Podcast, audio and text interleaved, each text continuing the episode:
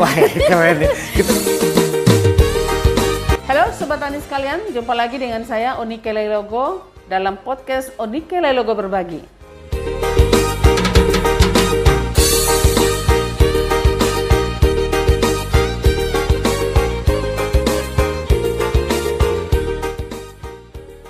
Sobat Tani sekalian, eh, jumpa lagi ya. Saya sekarang ini berada di eh, lahan sawah ya.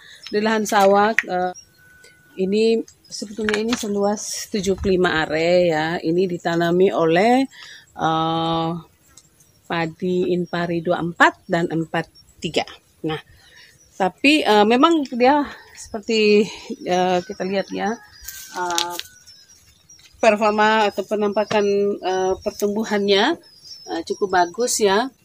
Eh, tapi ada juga nih yang ada juga masalah sebetulnya masalah juga karena masih ada nih eh, terserang eh, ini penggerek batang. Dan ini bukan hanya di sini masih ada di beberapa tempat ya. Nah untuk kali ini saya eh, khusus akan bicarakan tentang penggerek batang ini. Kenapa? Eh, masih saja ada walaupun eh, waktu perlakuan pesemaian eh, sudah dikasih furadan dan juga yang lainnya supaya eh, menghindari ya eh, apa penggerak batang ini tapi tetap saja dan itu juga terjadi di eh, tempat yang lain. Tadi kami melakukan eh, panen ya, panen perdana di BPTP itu juga diungkapkan oleh petani bahwa eh, salah satu persoalan alan adalah adanya hama eh, penggerek batang ini.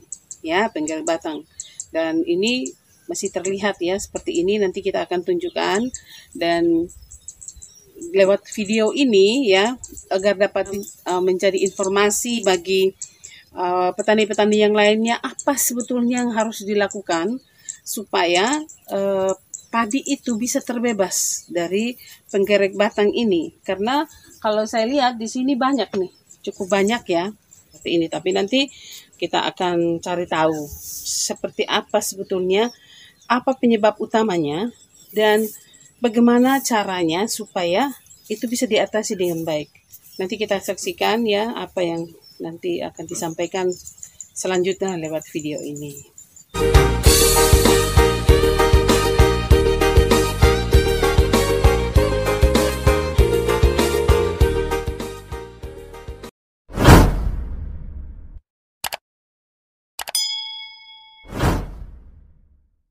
Di sini sebetulnya kami ada bersama dengan anggota kelompok tani Berkat Bersama. Nah, Berkat Bersama ini sebetulnya secara administrasi itu ada di Kelurahan eh, Camplong Satu di Lili. Tapi eh, karena eh, sebagian besar anggota kelompok ini lahan mereka ada di Desa Nunkurus, kami sekarang ada di ber- eh, berada di lahan di Desa Nunkurus. Ya, ini ada anggota-anggota kelompok ya dan Pak Ketua kelompok ini Pak Paulus Tonak ada di sini. Nah, kami di sini eh, sebetulnya ingin apa ya memberikan pencerahan ya kepada eh, Bapak Ibu petani tentang ini nih yang namanya penggerek batang ini. Nah, di sini juga ada eh, Ibu Noldi ya Noldi Kota eh, SPMSC. Beliau adalah eh, salah satu peneliti yang memang bidangi tentang hama penyakit tanaman. Nah, beliau ada di sini. Ya sekarang kita mau bincang-bincang dulu nih. Jadi begini, em, tadi sudah saya sudah perkenalkan ya, ini adik eh, kakak Noldi. Nah, kakak Noldi ini eh, seperti apa sebetulnya yang harus eh, eh, atau perkenalkan dulu sebetulnya eh, apa penggerak batang ini seperti apa, kemudian apa yang sebaiknya dilakukan oleh eh, petani supaya ini bisa terhindar dari serangan ini. Baik, selamat pagi Bapak Mama semua. Pagi. Nah, Ibu Onike sudah memperkenalkan saya, jadi saya tidak perlu memperkenalkan diri lagi. Eh, kita langsung ke pengenalan tentang hama penggerek batang. Ini bisa jadi hama penggerek batang ini dia salah satu hama utama pada tanaman padi Oh, selain we- utama. ada walang sangit, ada hama-hama yang lain. Nah, hama penggerek batang ini salah satu hama utamanya. Jadi eh, hama penggerek batang ini dia dewasanya itu dia bentuknya seperti kupu-kupu putih.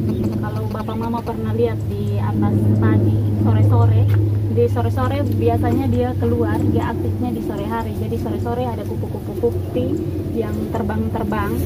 Nah itu dia akan meletakkan telur di daun. Dia letakkan telur di, di daun, kemudian nanti eh, 7 sampai 13 hari kemudian baru telur itu menetas jadi ulat. Larva atau ulat. Yang kalau kita cabut Bukan. ada di ada Ah. di di dalam batang. Mm-mm. jadi pertama dia letakkan dulu telur. Setelah tujuh hari satu minggu kemudian dia menetas jadi ulat. Dia masuk melalui pelepah daun seperti ini. Dia masuk nanti di sini biasanya ada lubang. Dia masuk ke dalam terus dia masuk ke dalam batang. Jadi pas Hmm. sudah sudah keluar malai seperti ini dia hampa karena kan proses perpindahan unsur hara atau uh, kalau kita kasih pupuk makanan dari tanah masuknya kan lewat batang nah kalau batang sudah putus malainya jadi hampa dia Hmm. mati nah untuk uh, pengenalan selanjutnya tentang hama penggerek batang ini kita harus tahu dulu dia seperti apa atau perilaku dia seperti apa kebanyakan petani ya kalau ada sudah ada seperti ini baru disemprot sebenarnya kalau sudah ada seperti ini ini, ini terlambat Terlambat ya? iya Hmm. ini sudah terlambat dia biasanya tuh ada di persemaian dia mulai dari persemaian waktu persemaian tuh Hmm. biasanya sudah dia sudah taruh telur di daun tuh Oh. Nah, waktu uh, untuk perilaku dari hama penggerek batang ini sendiri, dia nanti dia ada beberapa tahapan hidup eh, tahapan hidup atau siklus hidup. Dia dari telur, kemudian dia jadi ulat atau larva, kemudian dia jadi kepompong.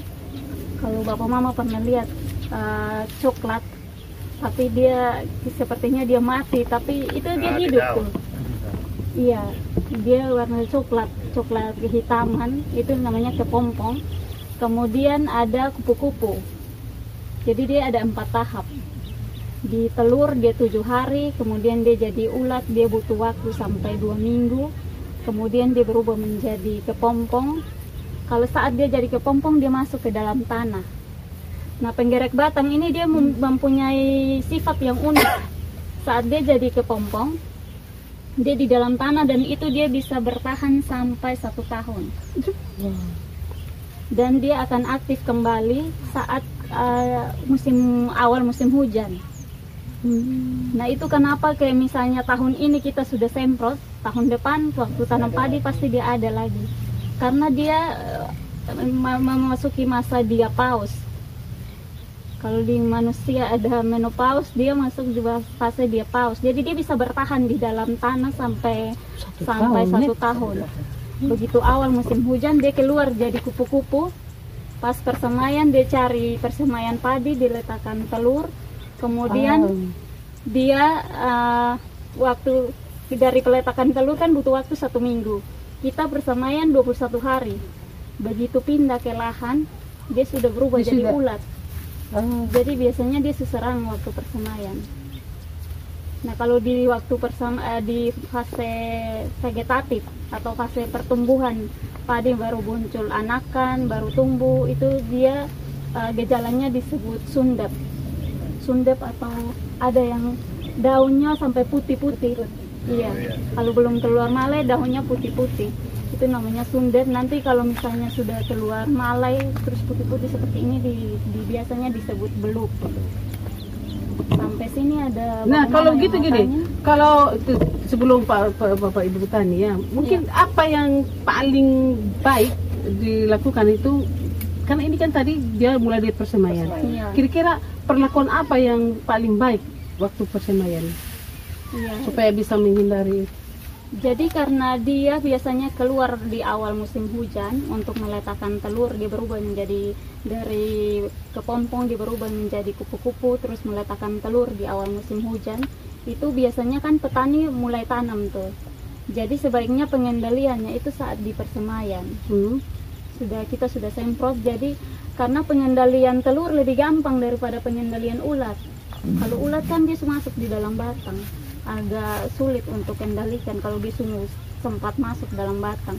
Lebih mudah kalau dia masih telur jadi kita semprot dengan insektisida terus telurnya tidak bisa berkembang jadi ulat Apa yang paling baik kalau jenis Insektisida insektisida ini? jenisnya. Ah, insektisida yang biasa digunakan tuh itu insektisida dimehipo. Biasa di sini pakai insektisida apa? Itu kan di itu juga. dimehipo spontan. Hipo, saya- spontan Nah, itu. spontan spontan. Iya.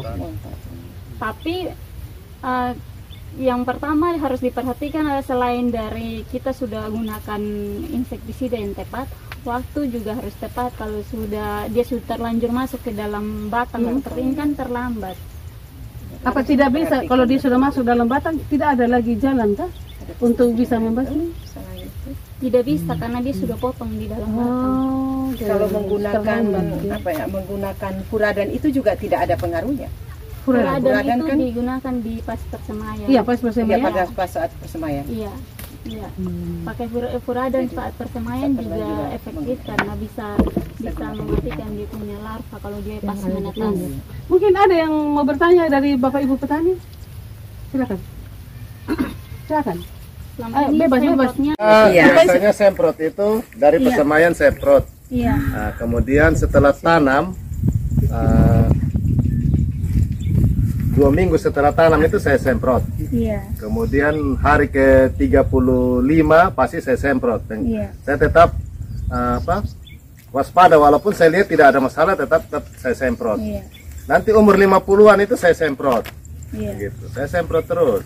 iya Tapi memang saya selalu menggunakan dosis yang rendah rendah. iya Nah, mungkin karena pengaruh itu bisa saja sampai eh, masa dia keluar ini pun tetap saya semprot. Iya iya Tapi mungkin dosisnya itu yang harus di ini. Atau Iya. apakah mungkin kelembaban tanah juga berpengaruh terhadap siklus kehidupan ini? air apa? Ah, faktor ini. kalau dia bisa dia tuh bisa hama penggerak batang ini bisa bertahan di suhu 28 sampai 31. Nah, di sini kan rata-rata suhunya tinggi. Sekitar 28 31 kan di sekitaran sini. Itu dia menetas lebih cepat. Sehingga dia punya penyebaran lebih cepat. Apalagi dia didukung oleh ini makanan tersedia misalnya di sini supanen Iya. pindah lagi dia ke sini. Nanti di sini panen dia pindah lagi ke mana. Jadi dia punya siklus hidup tidak putus. Dia karena dia makanan tersedia terus. Jadi tidak putus. Karena faktor air tidak ada pengaruh kan? Kelebihan air mungkin tidak. malah kalau air tuh lebih bagus karena kalau misalnya dia sudah masuk ke dalam batang kita kasih masuk air kasih tinggi air. itu bisa bisa bikin biar- larvanya mati sebelum di apa kasih putus di batang di pangkal batang Mungkin ada dari Om Ama, Om Deti, Om. Ada yang mau Mau tanya saja, tidak apa-apa. Bebas kita tanya supaya bisa nanti soalnya kita bertanam ini bukan sekarang saja kan nanti kita semua masuk lagi nanti ke masa tanam berikut.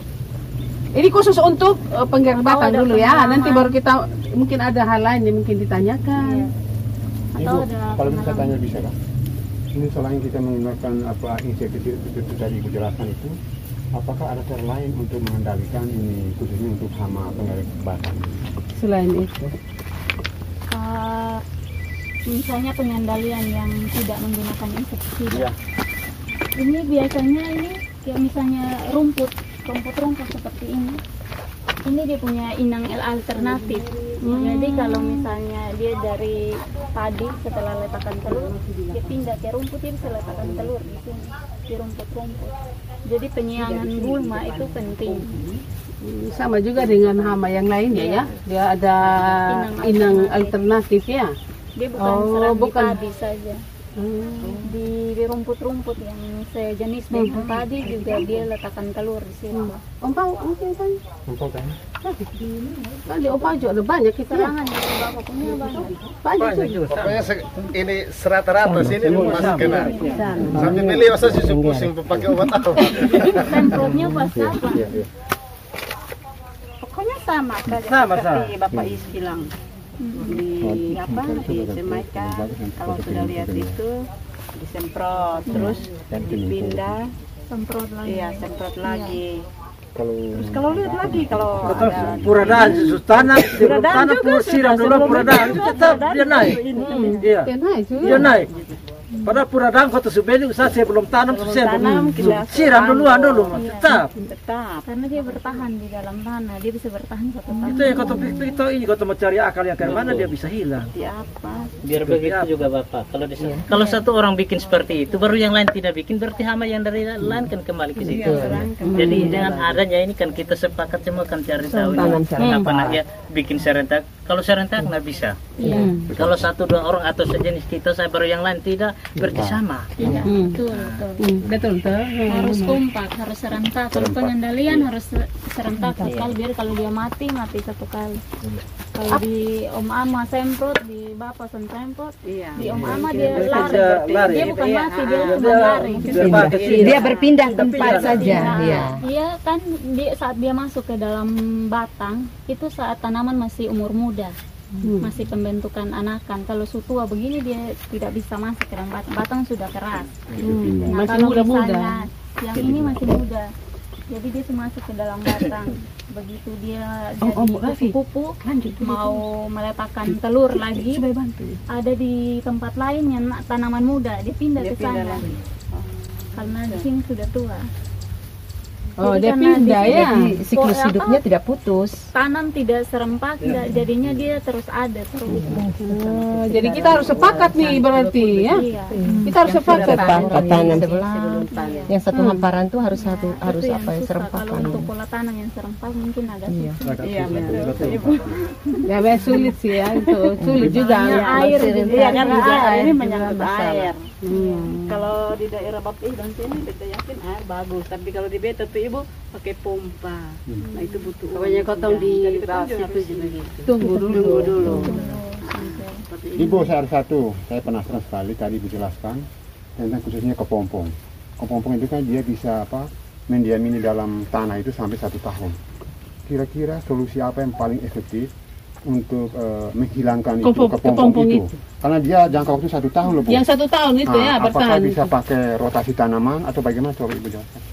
Karena dia di dalam tanah, jadi itu cara pengendalian yang paling efektif itu mungkin saat saat pengolahan pengolahan tanah, tanah itu tanah dibalik dibalik maksimal supaya dia apa kepompongnya itu naik ke atas. jadi dia terjemur matahari atau biasanya ada yang bakar. Nah dia bisa mati di situ. Karena kalau tidak untuk penyemprotan dengan insektisida belum bisa untuk kepompong karena dia kan kulitnya keras. jadi tidak bisa masuk. Jadi mungkin itu dimulai dari pengolahan tanah. Oh. Tapi kan apakah tidak itu tidak membantu ya? Karena begini, setiap kali eh, panen ya masih kebiasaan nih di di petani-petani kita nih yang masih belum bisa dihilangkan. Walaupun sudah ada yang bilang jangan dibakar itu jerami misalnya ya di yang eh, gitu. Tapi yang ada sekarang ini memang eh, petani-petani kita itu lebih banyak mereka membakar. Iya. Ya membakar. Apakah itu tidak membantu kan? Eh, untuk Menghilangkan. menghilangkan itu. membantu malah itu bisa ini bisa membakar kepompongnya Oh begitu ya lebih bagus makanya eh, sebetulnya kan memang ada yang bilang itu tidak boleh dibakar gitu kan Eh, biar untuk apa nanti dia lampuk di situ untuk bisa jadi eh, Humus lagi. eh, humus toh di situ tapi ternyata ada juga sebetulnya faedah lain dari eh, apa nih pembakaran. ini eh, jerami itu setelah panen itu. Tapi memang ada ada resiko lain. Kalau di tanah kan ada mikroorganisme Ah, ah, tanah iya, iya, iya, iya, untuk itu lagi ya. kesuburan tanah. Jadi kalau dibakar kan mikroorganismenya mati Dan Oh, mungkin saya itu. berpikir begini Ibu Noldi, kalau bakar jerami, jerami itu dibakar di atas tanah. Sementara ini kepompong ini dia hidupnya di dalam, di dalam tanah. Kecuali kalau tanahnya setelah diolah, baru eh, dilakukan pembakaran. Oh, mungkin Ah, bisa itu. begitu ya. Iya benar. Kalau bakar sebelum diolah dia tidak tidak ada tidak ada faedahnya ya. Malah mem, apa? malah rugi kan Rugi, Eh, sama- seharusnya ini bisa dilakukan untuk jadi untuk tambahan unsur hara tetapi karena kita bakar dia jadi abu jadi tidak bermanfaat lagi. Selain pembakaran atau pengolahan tanah dengan kita menanam tanaman yang lain, apakah itu salah satu solusi? Bisa kah itu? Iya. Misalnya jagung, kacang-kacangan kah untuk memutuskan siklus hidup daripada hama pengerum batang itu. dengan rotasi tanaman. Rotasi Jadi, tanaman. Tidak bisa dibilang eh, rotasi. setelah ini eh, bapak mama don tanam tanam padi lagi. Kan dia dari bawah naik lagi hidup lagi itu dia ini ini. muncul kupu-kupu dia simpan keluar lagi. Iya. Ulat yang di batang. ya. Oh gitu ya. Jadi bagusnya jangan langsung dengan padi lagi ya. Ya, ganti dengan mau ganti dengan apa? Rencananya mau padi. Mau padi. Kembali kembali lagi. Kalau di beta ya kacang, jagung. Kita mau kasih istirahat dia barang dua bulan mau coba padi padi kasih istirahat. Nah mungkin waktu istirahat dua bulan itu apa yang bagus paling baik? bapak ke sana apa mungkin setelah beta olah beta hambur puradan Iya, setelah ulah bapak lambat hambur puradan dulu. Biar kalau dia tapi biasanya dia tuh apa dari pupa Sini. kepompong jadi kupu-kupu. Fin. Lalu di awal musim Nih, pakai dia. Di dia sini. lembab baru dia Sini. sini Nah, jadi biasanya kalau musim panas serangannya. Jadi apa yang tadi sudah dijelaskan, mulai dari kita pengolahan lahan itu memang sudah harus kita perhatikan ya.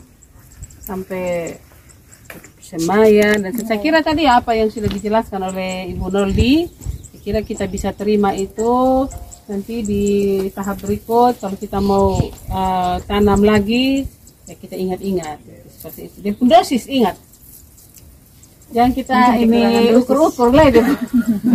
ukur sesuai dengan ada ditulis di situ nah itu sih. Jadi kalau satu hektar tadi berapa kilo peradan? 15. Jangan kasih turun jadi tiga. Kita hanya bisa enam.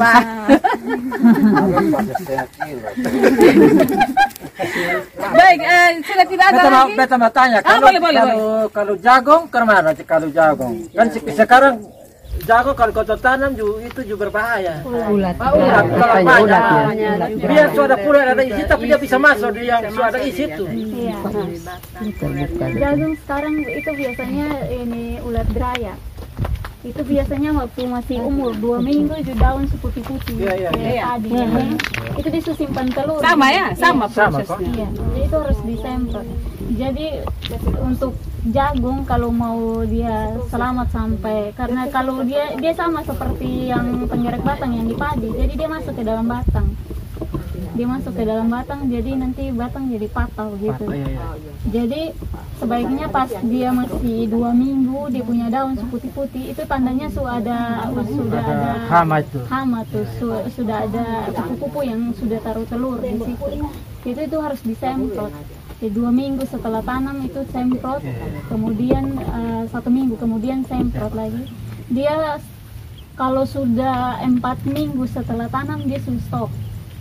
Karena dia suka daun yang muda kalau daun tua dia susah makan Eh, dia suka yang muda-muda ya. Mudah-mudah saja ya. dia suka daun muda Tapi kan ada juga masuk di dia punya bulan. itu kalau dia terlanjur ma- naik masuk ke dalam batang itu dia masuk ke dalam bule gitu. tapi kalau masih jadi misalnya di mama ada tanam yang masih muda dia pasti banyak di mama punya kemudian nanti kalau bapak tanam yang berikut dia pindah ke sebelah begitu uh, mama punya setua sudah semua di situ satu hamparan semua umur setua itu tidak ada makanan lagi ya dia terpaksa makan yang yang setua itu tapi sebenarnya dia lebih suka yang yang masih kecil Sukses. Tapi begini, Ibu kalau biasanya petani mungkin itu tadi tanda pertama awal itu yang tadi seperti yang di daun Itu tanda padi itu yang putih-putih itu ya. Biasanya kan begini. Sudah lobang-lobang dulu baru bisa Oh ini su ada ini ini su lobang ini pasti ini su ada ulat ini. Iya. Itu masih belum terlambat kah untuk semprot? Belum ya. terlambat jangan gitu masuk di batang Hah? sebaiknya ya waktu ini lihat di daun jagung seperti Pokoknya umur dua minggu ya kita seperti itu berarti di ulat masih kecil itu semprot lebih gampang lebih gampang. sebelum dia masuk Belum dalam. Dia butuh waktu satu minggu. Uh, setelah jadi ulat satu minggu kemudian baru dia masuk ke dalam batang. Pindah sedikit ya. jadi jangan lewat satu minggu baru semprot kalau dia masuk dalam batang kan selesai. Sama dengan ini juga ya kalau sudah masuk di batang. Sembunyi di dalam batang. Oke, itu tentang jagung ya. Baik, eh, sobat tani sekalian, eh, demikian tadi ya. Oh, seperti apa yang sudah dijelaskan tadi ini secara langsung nih di lapangan di, di lahan eh, petani eh, anggota kelompok eh, berkat bersama ini. Jadi apa yang sudah disampaikan, bagaimana eh, cara pengendalian terbaik untuk hama. Tadi yang kita bicarakan adalah hama penggerik batang kemudian sedikit tadi tentang jagung. Jadi ini yang dapat kami sampaikan kali ini.